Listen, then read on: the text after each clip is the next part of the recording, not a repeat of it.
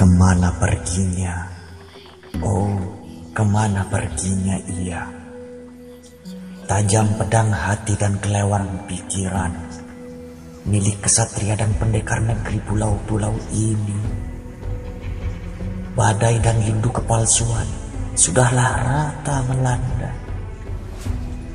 Kuda-kuda putih bersayap kebajikan Keledai-keledai pembawa pedagang dari surga Dan burung-burung penebar kabar kebenaran Tinggallah indah dalam dongeng anak jenaka tetapi akhir yang indah menjadi mimpi buruk pada tidur benih-benih pangeran kerajaan ini.